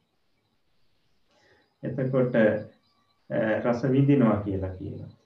ඊළඟට මේ දිව නිසා ඇති වෙන දැනීමට අපි කියන රස විඳිනවා කියලා. නාසය නිසා අපි ආග්‍රහණය නැත්නම් ගඳ සුවඳ දැනෙනවා කියලා කියනවා. ඊළඟට ශුද්ධ මනෝද්වාරය නිසා දැනීම ඇති වෙනවා කියනවා. ශුද්ධ මනෝද්වාරය කියලා කියන්නේ භවාංග සිත් පරම්පරාවට ඒක අපි ඉදිරියේදී පැහැදිලි කරනවා. දැන්ට නිකන් මතක තියාගන්න ශුද්ධ මනෝද්වාරය කියන්නේ භවාංග සිත් පරම්පරාවට කියන එක. ඉතින් එතනදි පැහැදිලි කරන්නේ මේ සිතට දැනෙන සිතුවිලි සිතුවිලි කියලා දැනෙනවනේ කොටසක්. ඒ සිතුවිලි දැන ගැනීමක් අපිට ඇති වෙනවා. සිතුවිලි සම්බන්ධයෙන් දැනීමක් ඇති වෙනවා. එතකොට අපි ඒකට කියනවා ඒත් සිත කියලා. එතකොට දැකීම, පෙනීම, කල්පනා වීම, අදහස් පහළ වීම කියන මේ වචන වලින් කියවෙන්නේ සිත ගැනම තමයි. සිතේ ස්වરૂපය කියන්නේ. ඊළඟට දැනෙන දේට, ඒ කියන්නේ මේ දැනීමට ගොදුරු වෙන දේට කියනවා අපි අරමුණ කියලා. අපි ගහක් දැක්කහම අපිට දැකීමක් ඇති වෙනවා. අපි දකිනවා. අන්නේ දැකීමට අපි කියනවා දැනීම කියලා. එතකොට දැකීමට නැත්නම් දැනීමට ගොදුරු වුණු දේ මොකක්ද ගහ. ඒතර ගහ තමයි අරමුණ කියලා කියන්නේ. එතකොට අරමුණක සම්බන්ධයක් නැතුව කිසි කාලික සිතක් නැත්නම් දැනීමක් ඇති වෙන්නේ නැහැ. දැන් බෙරේකට ගහනකොට මොකද වෙන්නේ? බෙරේට පහරක් ඇදුනට පස්සේ වෙන වෙනම බෙර හඬවල් කීපයක් ඊට පස්සේ ඇහෙනවා. අන්න ඒ වගේ මේ ඉන්ද්‍රියවල මේ ඇස කන නාස ආදීදී ආදියට මේ අරමුණක් ගොදුරු වෙනකොට ඒ අරමුණ දැනීම වශයෙන් සිත් ගණනාවක් ඇති වෙනවා. දැන් දැනීම් ගණනාවක් පහළ වෙනවා. ඒ දැනීම් සියල්ලටම අපි සියල්ලම ක්‍රියා හැටියටයි අපි සැලකන්නේ. දැනීම ක්‍රියාවක්. එබැවින් ඇතිවන සිත් සියල්ලම එකිනෙහිම නැති වේ. දැනීම් මාත්‍රයේම චිත්තයේ හෙවත් සිත බව මතක තබා ගත යුතුයි. ඒ නිසා පැහැදිලි කරනවා මේ ඇතිවෙන දැනීම් මොහොතක් මොහොතක් පාසා නැති වෙලා යනවා. ඒ කියන්නේ නැති වෙනවා. අලුත් දැනීම් ඇති වෙනවා. මේක තමයි සිතේ ස්වરૂපය. සිත කියන්නේ දැනීම.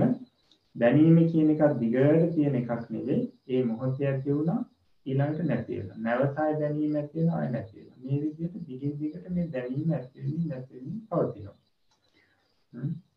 එතකොට මෙතනදී මේ චිත්තය කියන එකෙන් අපිට දැනට දැනගන්න ඕනි මොකද්ද? චිත්තය කියලා කියන්නේ දැනීම මාත්‍රයක. දැන් මේ මේ ඡේදේ ගොඩක් විස්තර කිව්වා. මේ විස්තර කියේවා ගොඩක් නොතේරුණාට මෙතනදී තාම ප්‍රශ්නයක් නැහැ. මෙතන තේරුම් ගන්න ඕනි Tamanට තේරෙන්න ඕනි සිත කියලා කියන්නේ දැනීමටයි කියන්නේ. සිත පරමාර්ථ අතරින් පළවෙනි එක චිත්තය චිත්තය කියලා කියන්නේ දැනීම.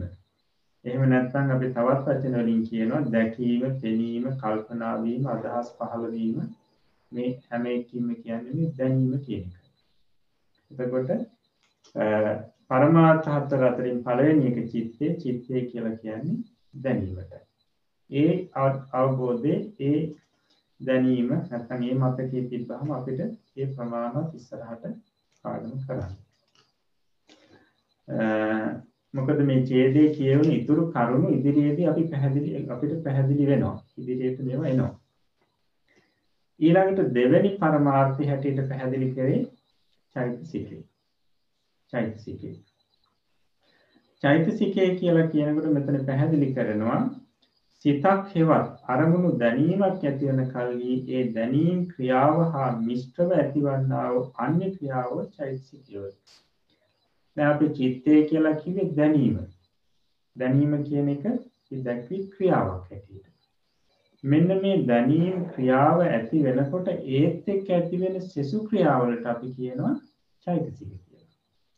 දැන් අපි බලන්න රූපයක් ගහක් අපි ඇසට ගෝචර වෙනකොට නැත්නම් දකිනකොට ඒ දැකීම අපි කිව්වා දැනීම කියලා. අන්න සිත. එතකොට ඒ දැනීමත් එක්ක පහළ වෙනවා තව මොකද්ද මේ ගසට ප්‍රිය කිරීම. නැත්නම් ගහ කියන අරමුණත් එක්ක ගැටීම. නේද? එහෙමත් නැත්නම් තව ඒ ගහ කෙරෙහි පැහැදීම. ඊට පස්සේ මේ ඒ ගහ කෙරෙහි සැක කිරීම. දැන් මේවා තමයි ඉතුරු සෙසු ක්‍රියා. මේ විදිහේ ක්‍රියා ගණනාවක් පහළ වෙනවා. එතකොට දැනීමත් එක්ක ඇති වෙන සෙසු ක්‍රියාවලට තමයි අපි කියන්නේ චෛතසික කියලා. ඒතර පැහැදිලිනේ ගසට ඇලීම කියලා කියන්නේ එක ක්‍රියාවක්. ගසත් එක්ක ගැටීම කියලා කියන්නේ තව ක්‍රියාවක්. ගස කෙරෙහි පැහැදීම කියන්නේ තව ක්‍රියාවක්. ඊට පස්සේ අපි ගත්තහම ගස කෙරෙහි සැක කිරීම කියන්නේ විමති උපදවීම කියන්නේ තව ක්‍රියාවක්. මෙන්න මේ ක්‍රියාවලට තමයි සිතේ ඇති වෙන මේ ක්‍රියාවලට තමයි චෛතසික කියලා කියන්නේ. මේ චෛතසිකයන්ගේ ලක්ෂණ හතරක් තියෙනවා. එකක් තමයි මේ සිත කියන දැනීමත් එක්කම තමයි මේ ක්‍රියාව පහළ වෙන්නේ. ඒ වගේම මේ දැනීම නැති වෙනකොටම ඒත් එක්කම තමයි මේ ක්‍රියා ටිකක් නැති වෙන්නේ. නැත්නම් චෛතසික ටිකක් නැති වෙන්නේ. ඒ වගේම දැනීම නැත්නම් සිත ගත්තේ අරමුණ ගස කියන එක නම් ගස කියන එක නම් අරමුණුනේ මේ සෙසු ක්‍රියා ටික චෛතසික ටිකත් අරමුණු කරන්නේ ගස කියන අරමුණම තමයි. ඊළඟට මේ සිත් පහළ වෙන තැන් තියෙනවා. මේ දැනීම පහළ වෙන තැන් තියෙනවා අපේ ශරීරයේ. එතකොට යම් තැනකද දැනීම ඇති වුණේ ඒ මොහොතේදී සෙසු ක්‍රියා ටික සෙසු චෛතසික ටිකත් පහළ වෙන්නේ ඒ පහළ දැනීම පහළ වුණු තැනම තමයි එකටම. මෙන්න මේ ලක්ෂණ හතරක් මේ චෛතසිකවල තියෙනවා. කියන්නේ සිතත් එක්කම එකටම පහළ වෙනවා. සිත නිරුද්ධ වෙනකොට එකටම නිරුද්ධ වෙනවා. සිත ගන්න අරමුණම ගන්නවා. ඒ වගේම සිත පහළ වෙන තැනම පහළ වෙනවා. එතකොට මේ චෛතසිකයන්ගේ සාමාන්‍ය ලක්ෂණ. සිතින් වෙන්න කිසි කලක චෛතසිකයෝ නූපදිති. සිතින් වෙන්න කිසිම දාක චෛතසික උපදින්නේ නැහැ. එතකොට සිතක් නැතිව ඉපදිය හැකි ශක්තියක් ඒවාට නැත. එතකොට චෛතසික වලට සිත නැතිව උපදින්න ශක්තියක් නැහැ. තත් එක්කම ඉපදින්නේ. එතකොට සිතටත් තියෙන ස්වરૂපයක් තමයි චෛතසිකයන් සම්පූර්ණම නැතුව සිතට තනියම උපදින්න බෑ. සමහර චෛතසික නැතුව සිතට උපදින්න පුළුවන් වුණාට අවම වශයෙන් චෛතසික හතක්වත් අවශ්‍යයි සිතට උපදින්න. ඒ නිසා ඒ වගේම තමයි එක සිතක් චෛතසික දැන් චෛතසික තියෙනවා 52ක්. මේ 52ත් එක්කම එක සිතක් පහළ වෙන්නේ නැහැ. සමහර සිත් පහළ වෙනකොට චෛතසික 7ක් එක්ක සමහර සිත් පහළ වෙනකොට 10ක් එක්ක සමහර සිත් පහළ වෙනකොට 11ක් එක්ක සමහර සිත් පහළ පහළ වෙනකොට 21ක් 19ක් එක්ක සමහර සිත් පහළ වෙනකොට 36ක් එක්ක මේ විදිහට පහළ වෙනවා. එතකොට මතක තියාගන්න ඕනි අපි පරමාර්ථ අතරින් පළවෙනි එක තමයි චිත්තය කියන්නේ දැනීම ඊළඟට චෛතසික කියලා කියන්නේ චෛතසිකය කියන්නේ ඒ දැනීම් ක්‍රියාවත් එක්ක පහළ වෙන සෙසු ක්‍රියා. එතකොට එබඳු ක්‍රියා 52ක්. එහෙම නැත්නම් චෛතසික 52ක් තියෙනවා. හොඳයි. ඊළඟට රූපය. තුන්වෙනි පරමාර්ථය. රූපය කියනකොට සත්ව ශරීර බාහිර වස්තුන් සෑදී ඇති මූලික ධර්ම රාශිය රූපයෝයි. සත්ව ශරීර මේ සචේතනික අපිත්තේ සත්ව ශරීර ඊළඟට බාහිර වස්තු මේවා සැකසිලා තියෙන මූලික ධර්මවලට තමයි රූප කියලා කියන්නේ. රූප 28ක් තියෙනවා. දැන් අපි අද රූපය කියලා කියන්නේ මේ බාහිරින් දක්න දෙයක්නේ. රූපයක් දැක්කා කියලා කියනවා. මෙතන අදහස් කරන මේ රූපය කියන්නේ ඊට වඩා වෙනස්. අපි දෙයක් දැක්කට පස්සේ වර්ණයට තමයි අද රූපය කියලා කියන්නේ වර්ණී පැතිරිච්ච ප්‍රමාණයට. එතකොට ඒකත් මේ රූප 28 අතර තියෙන එකක් තමයි. නමුත් ඒකටම විතරක් නෙවෙයි මේ රූපය කියලා කියන්නේ. රූප 28ක් තියෙනවා. මේ රූප 28න් අපිට ඇහැට පේන්නේ එක රූපයයි. අනිත් 28ම ඇහැට පේන්නේ නැහැ. ඊළඟට මේ රූප කියන වචනේ තේරුම දැන් අපි අද රූප කියලා කිව්වොත් ඇහැට පේන දෙයට අපි රූප කියලා කියනවා. ඒක තමයි අපේ අර්ථය. හැබැයි මෙතනදී රූප කියනකොට ඒ රූප කියන්න හේතුන අර්ථය වෙනස්. මොකද්ද? ශීතෝෂ්ණාදී විරුද්ධ දෙය හා එක්වීමෙන් විකාරයට පැමිණෙන දේ. අන්න රූප කියන එකේ අර්ථය. මේ ශීතෝෂ්ණ නිසා වෙනසකට භාජනය වෙනවා නම් ඒක ඒවට අපි කියනවා රූප කියලා. හැබැයි මේ චිත්ත චෛසික කියලා මුලින් කියපු පරමාර්ථ දෙක ඒ ශීතෝෂ්ණත් එක ගැටීමක් වෙන්නේ නැහැ ඒවා එතරම් සියුම් හැබැයි මෙන්න මේ කියපු රූප 28 රූප 28 මේ චේතෝස්න නිසා වෙනස් වෙනවා. විකාරයටපත් වෙනවා. එතකොට එහෙමනම් මේ චිත්තචෛසික කියන්නේ ඊටාම සියුම් දේවල්. හැබැයි රූප එච්චරම සියුම් නැහැ. හොඳයි. ඊළඟට හතරවෙනි පරමාර්ථය තමයි නිර්වාණය. නිර්වාණය. නිර්වාණය කියනකට පැහැදිලි කරනවා රාගාදී කෙලෙස් ගිනි වලින් හා ජාති ජරා ව්‍යාධි මරණාදී දුක් ගිනි වලින් තොර වූ ශාන්ත සුඛ ස්වභාවය නිර්වාණය. එතකොට රාගාදී කෙලෙස් ගිනි නැති ජාති ජරා මරණාදී දුක් නැති ශාන්ත සුඛ ස්වરૂපයට කියන නිවන කියලා. දැන් මෙහෙම කිව්වට අපිට මේක වැටහෙන්නේ නැහැ. මේ සම්බන්ධයෙන් විස්තරයක් ඉදිරියේදී අපිට මුණ ගැහෙනවා. එතනදී අපිට මේක හොඳට තේරුම් ගන්න පුළුවන්. දැනට මේක මේ රාගාදී කෙලෙස් කිනි වලින් හා ජාති ජරා මරණ ආදී නිදහස් වන ශාන්ත ස්වરૂපයට තමයි නිවන කියන්නේ කියන එක අපිට තියාගන්න. එතකොට මේ චිත්ත චෛතසික රූප කියන මේ මුලින් කියපු පරමාර්ථ ධර්ම තුනම යම්කිසි හේතුවක් නිසා හටගන්න දේවල්. යන්නේ යම්කිසි හේතු ප්‍රත්‍යයන්ගෙන් හටගන්න දේවල්. යම්කිසි දෙයක උපකාරයකින් හටගන්න දේවල්. ඒ නිසා ඒවට අපි කියනවා සංකත ධර්ම කියලා. අපි අහලා තියෙනවා හේතු ප්‍රත්‍යයෙන් හටගන්න දේවල් වලට අපි කියනවා සංකත ධර්ම කියලා.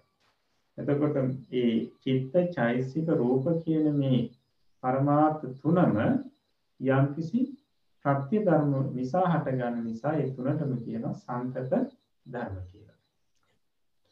ඊළඟට මේ පැහැදිලි කරන මේ සංකත ධර්ම ඇති වුණහම මොහොතක්වත් පවතින්නේ නැතු නිරුද්ධ වෙනවා. ඊටාම ශනිකව නිරුද්ධ වෙලා යනවා නැතිලා. සංකත ධර්ම. එතකොට ඒ නිසා මේ සංකත ධර්ම සියල්ලම අනිත්‍යයි. අනිත්‍ය ධර්ම. يعني ස්ථිරව පවතින්නේ නැහැ. නිර්වාණ ධාතුව යම්කිසි හේතුවකින් හටගැන්වීමක් නැතුවම ඇති ධර්මයකි. එබැවින් ඒ අසංකත ධාතුවයි කියනු ලැබේ. දැන් අහලා තියෙනවා ධර්ම දේශනාවලදී අසංකත ධාතු නිර්වාණය අසංකත ධාතු සංඛ්‍යාත නිර්වාණය කියලා.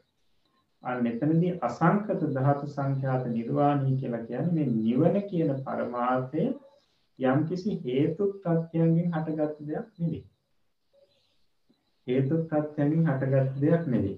ඒ නිසා අනිත්‍යතාවය කියන එකට ගොදුරු වෙන්නේ නැහැ. හේතු ප්‍රත්‍යයෙන් හටගත් දේවල් ෂෙමිකව නැති වෙනවා. එනිසා ඒවට අපි කිව්ව සංකතයි නිවන අසංකතයි. කවදාවත් නැති නොවන සෑම කල්ලිම පවත්නා ධර්මය. එතකොට නිවන කියන්නේ සැමදාම පවතින ධර්මයක් කියලා. ඉතින් මේක ඉදිරි නිවන කියලා අපි වෙනම පාඩමක් තියෙන. එතනදී අපි මේක වඩා පැහැදිලි කරලා කියලා දෙනවා. එතකොට මේක බොහෝම ගැඹුරු ධර්මයක්. මහත් වූ වීරියකින් ප්‍රත්‍යක්ෂ කරගත හැකි ධර්මයක්.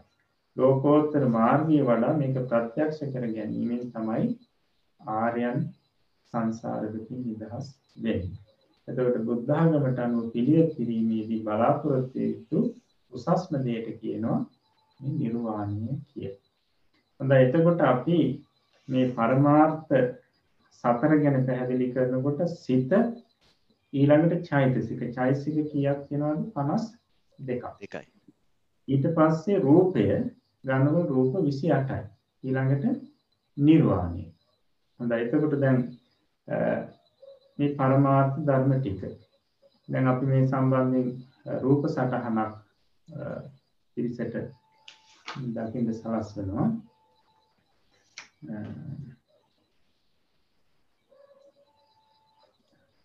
සතර පරමාර්ථය ඊළඟට අපි පැහැදිලි කරා මේ සිතට දැනෙන දේවල් වලට නැත්තම් දැකීමක් තුළින් හෝ ඇසීමක් තුළින් හෝ එහෙමත් නැත්තම් කියවීමක් තුළින් සිතට හැඟෙන දෙයට අර්ථ කියලා. ඒ අර්ථය දෙකට බෙදෙනවා පරමාර්ථය සහ ප්‍රඥප්තිය කියලා. ප්‍රඥප්තිය තවත් ප්‍රඥප්තියට කියන වචන සම්මුතිය සහ හීනාර්ථ කියලා තව දෙකක් තියෙනවා. ඊට පස්සේ මේ පරමාර්ථය නැවත හතරකට බෙදෙනවා. කොහොමද? චිත්තය චෛතසිකය ඊළඟට රූපය ඊළඟට නිර්වාණය. එතකොට ඇත්තටම ගත්තහම සිත කියලා අපි එකයි ගන්නෙ. ඒකේ යම් බෙදීම් ඉදිරියට එනවා. නමුත් මූලිකව අපි සිත කියන්නේ එක පරමාර්ථයක්. ඊළඟට චෛතසික තියෙනවා 52ක් ඊළඟට රූප තියෙනවා 28ක් ඊළඟට නිර්වාණ එකක් හැටියට සලකන්නේ. එතකොට එහෙමනම් පරමාර්ථ ධර්ම කීයක් එනවද ඔක්කොම? මෙතන 52යි 28යි ළඟට චිත්තයයි නිර්වාණයයි. ඒකට දෙකක් එනවා. 82ක් එනවා. එතකොට පරමාර්ථ ධර්ම 82ක් තමයි පෙන්වන්නේ එතකොට බුදුරජාණන් වහන්සේ මේ ලෝකයේ තියෙන සියලුම සජීවී අජීවී වස්තුන් එකක් නෑර උන්වහන්සේගේ නුවණට හසු කරගෙන උන්වහන්සේ එකක් එකක් බෙද බෙදා බෙද බෙදා බලාගෙන යනකොට අවසානයේ දැක්කා මේ මොනතරම් විශ්වයේ දේවල් තිබුණත් මේ හැම දෙයකම මූල ස්වરૂප තියෙන්නේ 82ක් විතරයි. 82ක් විතරයි තියෙන්නේ. මේ 82ක මේ පරමාර්ථ 82ක මේ විකාශනයක් තමයි මේ විශ්වයේ තියෙන හැම දෙයක්ම. අපි නිවන වෙන කරොත් චිත්තචෛසික රූප කියන මේ මෙන්න මේ ධර්ම වල විකාශනයක් තමයි මේ ලෝකෙ මේ විශ්වයේ තියෙන සෑම සිල්යක්. ඊළඟට අපිට තියෙන්නේ සිත බෙදෙන සැටි කියන පාඩමයි. එහෙමයි. මේ පාඩමේදී දැන් අපි ඉගෙන ගත්තනේ පරමාර්ථ ධර්ම මූලික වශයෙන් හතරයි. ඊට පස්සේ චෛතසික 52යි රූප 28යි එනකොට ඔක්කොම 82ක් වෙනවා. ඊළඟට මේ සිත කියන පළවෙනි පරමාර්ථ ධර්මය අපිට තනිව ඉගෙන ගන්න බෑ එකක් හැටියට. මේක මේ පහළ වෙන ස්ථාන හැටියට ඊළඟට මේවල කුසල අකුසල ආදී ಜಾති හැටියට ඊට පස්සේ චෛතසිකත් එක්ක මිශ්‍ර වෙනකොට ඒ බෙදෙන හැටියට මෙහෙම කොටස් ගණනාවකට බෙදාගෙන මේක ඉගෙන ගන්න තියෙනවා. ඉදිරි පාඩමේ ඉඳලා අපි බොහෝ පාඩම් ඉදිරියට යන්නේ මේ චිත්තය කියන පරමාර්ථය බෙද බෙද. يعني චිත්තය කියන පරමාර්ථය මේ තියෙන ඒකේ කොටස් සම්බන්ධයෙන් තමයි ඉදිරියට කතා කරගෙන යන්නේ. ඉතින් අපි ඒක ඒ පාඩම මේ සිත බෙදෙන හැටි කියන තැන ඉඳලා අපි ඊළඟ දවසේ කතා කරමු. හොඳයි සානාස. අද දැන් අපි අවසාන පාලි භාෂාවත් අපි ආරම්භ අද අධ්‍යයනය ආරම්භ කරනවා කියලා. එතකොට මේ භාෂාව විදී අපි දන්නවා දැන් හැම භාෂාවකම තියෙනවා නාමපද. නාමපද කියලා කියන්නේ යම් දෙයක් හඳුන්වන්න යොදන නම්. එතකොට ඒ විදිහේ නාම ගණනාවක් විශාල ප්‍රමාණයක් පාලි භාෂාවේ තියෙනවා. ඒතර පාලි භාෂාවේ තියෙන එක නාමයක් එක නාමයක් අරගෙන අපි අද ඒකේ කොටස් කීපයක් පාඩම් කරන්න දෙනවා. එතකොට නාම වර්ණගීම කියලා කියන්නේ يعني නාමයන් මේ නාමයේ තියෙන කොටස් වෙන් කරලා පෙන්නනවා. එතකොට ඒක මුලින්ම පාලි භාෂාව තරණි කියන පොත ඇසුරු කරගෙන මේක කරන්නේ يعني pāli භාෂාව තරණය කරනවා ඉගෙන ගන්නවා. ඒ නාම වර්ණ ගීම කියන එකේ ඔය පුරිස කියලා තියෙනවා શબ્දයක්. පුරිස පාලියෙන් කියන්නේ පුරිස කියලා. එතකොට මේ පුරිස શબ્දය ඒක වචන බහු වචන ආදී විදිහට දෙදී කීපයක් අපි දක්වනවා. ඒක අපිට පෙන්වනවා නම් හොඳයි සනස.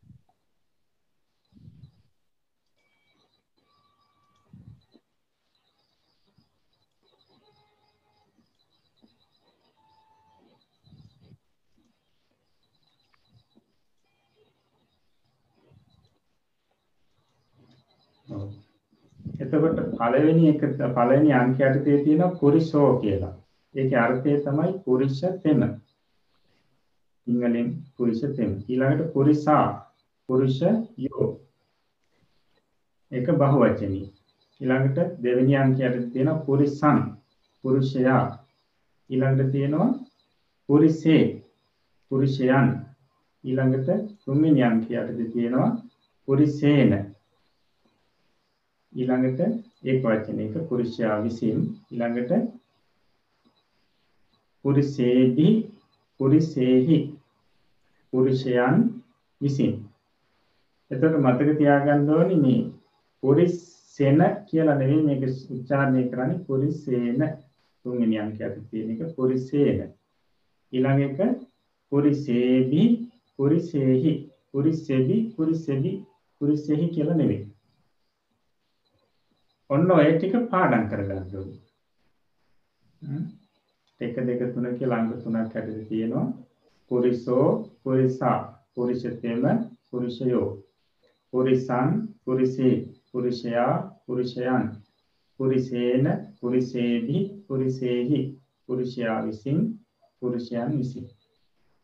මේ ටික පාඩම් කරගන්න එතකොට දැන් සමහර කෙනෙකුට හිතෙන්න පුළුවන් මේ ටිකයි දෙන්නේ මේක මොකක්ද මට මේ ටික පාඩම් කරගන්න එක මහා මාරුවක් කියලා එහෙම හිතන්න එපා මතක තියාගන්න මොකද නාමපද ගණනාවකගේ පදනම තමයි මේ මුලින් දෙන්නේ.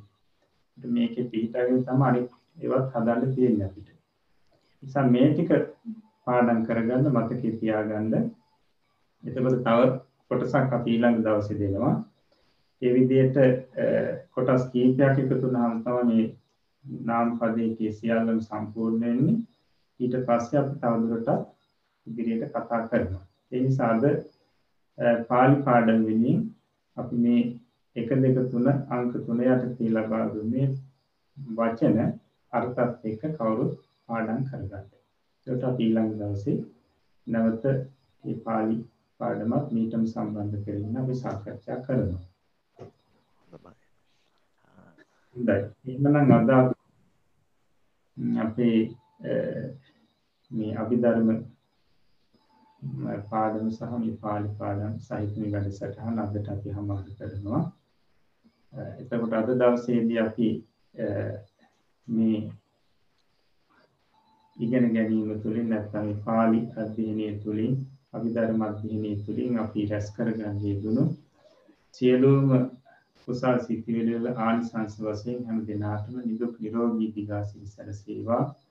තව තවත් මේ ධර්මයන් දැන කියාගන්න අවබෝධ කරගන්න ශක්තිය ධෛර්යය වීර්යය සැලසේවා විවේක පසුබිම විවේක පරිසර සැකසේවා.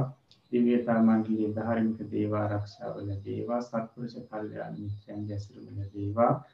සෑම සියලු දෙනාටම ප්‍රාර්ථනා පරිදතුම් බෝධි ඥානයකින් නිවනින් සැනසෙන්නට මේ උතුම් පුණ්‍ය ශක්තිය කාන්තෙන් හේතුපකාර වේවා කියලා අපි ආශිර්වාද කරනවා. මේ ධර්මයන් කියා දුන්න අපේ ගුරුතුමන් වහන්සේලාටත් හදා වඩා පෝෂණය කරපු සෑම සිදු දෙනාටම මව්පිය දෙමව්පියන්ටත් ඒ වගේම ශාසනික මවුරු පියවරු සහෝදර සහෝදරියන්ටත් ඒ වගේම සම්බුද්ධ ශාසනය වෙනුවෙන් කාලය ධනය ශ්‍රමය කැප කරලා මේ වෙනකොට ගිලම් බවින් පසුවන හැම දෙනාටමත් මේ පින් ජීවිතයට ආශිර්වාදයක් වේවා. නිදුක් නිරෝගී දිගාසිරි සැලසේවා. තම තමන්ගේ සම්‍යක් ප්‍රාර්ථනා මුදුන්පත් වේවා. කෙලවර උතුම් නිවනින් සැනසෙන්නටම ලැබේවා කියලා අපි ආශිර්වාද කරනවා. ඒ වගේම ශාසන ආරක්ෂක ලෝකපාලක ආත්ම ආරක්ෂක අල්පේශාකි මහේශාකි දිව්‍යතා මණ්ඩලයටත් මේ පරලෝකෝස පින් බලාපොරොත්තුෙන් පසුවන සැමටත් මේ පින් දැනේවා කෙනේවා පින් අනුමෝදන් වෙත්වා. සෑම සියලු දෙනාගේම සම්‍යක් ප්‍රාර්ථනා මුදන්පත් වේවා. කෙලවර උතුම් නිවනින් සැනසෙත්වා කියලා පුණ්‍යානුමෝදනා කරනවා. ඒ වගේම මේ ධර්ම දානමේ වැඩසටහන සංවිධානය කරන අපේ කරුණ මහත්මයා ප්‍රධාන සෑම සියලු දෙනාටම මේ උතුම් පුණ්‍ය ධර්මයන්ගේ බලයෙන් ශක්තිය නිදුක් නිරෝගී දිගාසිරි සැරසී තව තවත් මේ ධර්ම දානයන් හොඳින් පවත්වන්නට ලැබේවා. තමන්ටත් උතුම් ධර්ම අවබෝධ කරගන්න ලැබේවා කෙලවල උතුම් නිවනින් සැනසෙන්න ලැබේවා කියලා අපි ආශිර්වාද කරනවා. ඉතින් මේ උතුම් පුණ්‍ය ශක්තිය අප හැම දිනාටම සතර මාර්ග සතර ඵල පිළිවෙලින් උතුම් නිවනින් සැනසෙන්නටම හේතුපකාර වේවා කියන අදහස ඇති කරගෙන මං කිව්වට පස්සේ මේ වාක්‍යය කියමින් කවුරුත් නිවන් සුව ප්‍රාර්ථනා කරමු. ඉදම්මේ පුඤ්ඤ කම්මං ඉදම්මේ පුඤ්ඤ කම්මං වක්ඛයා වහං හෝතු ආසවක්ඛයා වහං හෝතු සහ සමුංචතු සබ්බ දුක්ඛා පමුංචතු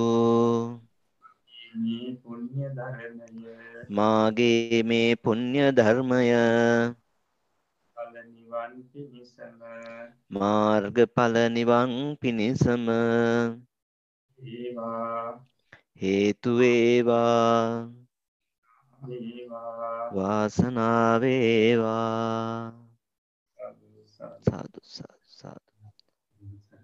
හොඳයි ගෞරවනීය ස්වාමින් වහන්සේ විසින් අප සෑම සියලු දෙනා වෙත බොහෝමත්ම අනුකම්පාවෙන් උන්වහන්සේගේ තිබෙන බොහෝමත් රාජකාරය පසෙකලා අපේ ගෞරවනීය ආරාධනාව පිළි අරගෙන අ, තුන්වන අ, වැඩසටහන අ, සඳහාත් අ, බොහෝමත් වෙහෙස මහන්සියෙන් උන්වහන්සේ අ, උන්වහන්සේගේ අනුග්‍රහය උපකාරය දක්වන්නට යෙදුණා.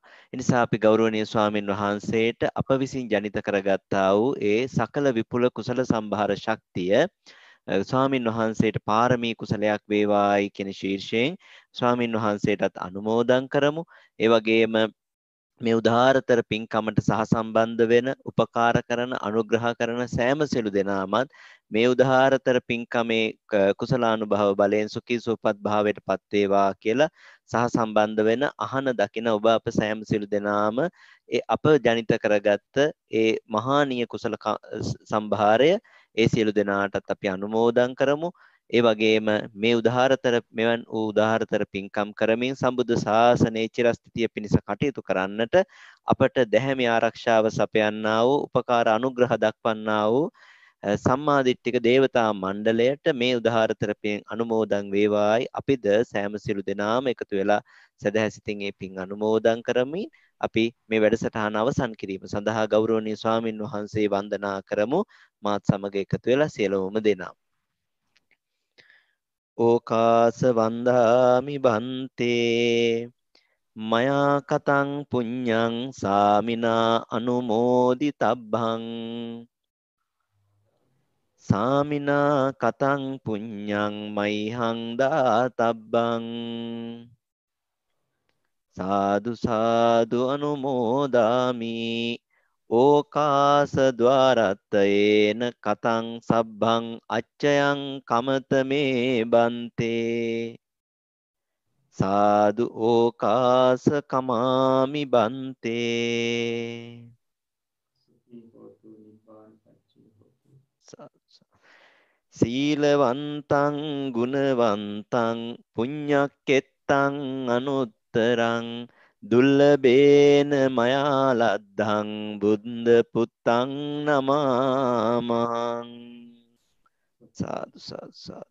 ගෞරවනීය ස්වාමීන් වහන්සේට මේ උතුම් කුසලය උන්වහන්සේට පාරමී කුසලයක් බවට පත් වේවා. ප්‍රාර්ථනීය බෝධියකින් අග්‍රාමෘත නිර්වාණ ධාතු සාක්ෂාත් කර ගැනීම පිණිසම හේතු වාසනා වේවා. මේ සම්බුද්ධ ශාසනය চিරාත් කාලයක් පැවැත්වීම උදෙසා තව තවත් අ, ඔබ වහන්සේගේ දැනුම ශක්තිය උපකාරය සිද්ධ කරන්න තුලින් උපකාර සිද්ධ කරන්නට හැකියාව ශක්තිය වාසනාව ලැබේවා. නිදුක් නිරෝගී තිර ජීවනයේ සැලසේවා කියලා සියලු දෙනාම සාදුකාරයක් දෙමින් මේ පෙ- අ, පින් අනුමෝදන් කරමින් ගෞරවනීය ස්වාමීන් වහන්සේට අපි පුණ්‍යානුමෝදනා කරමු. බොහෝමත්ම පින්. අවසරයි සාන්නාස හොඳමයි.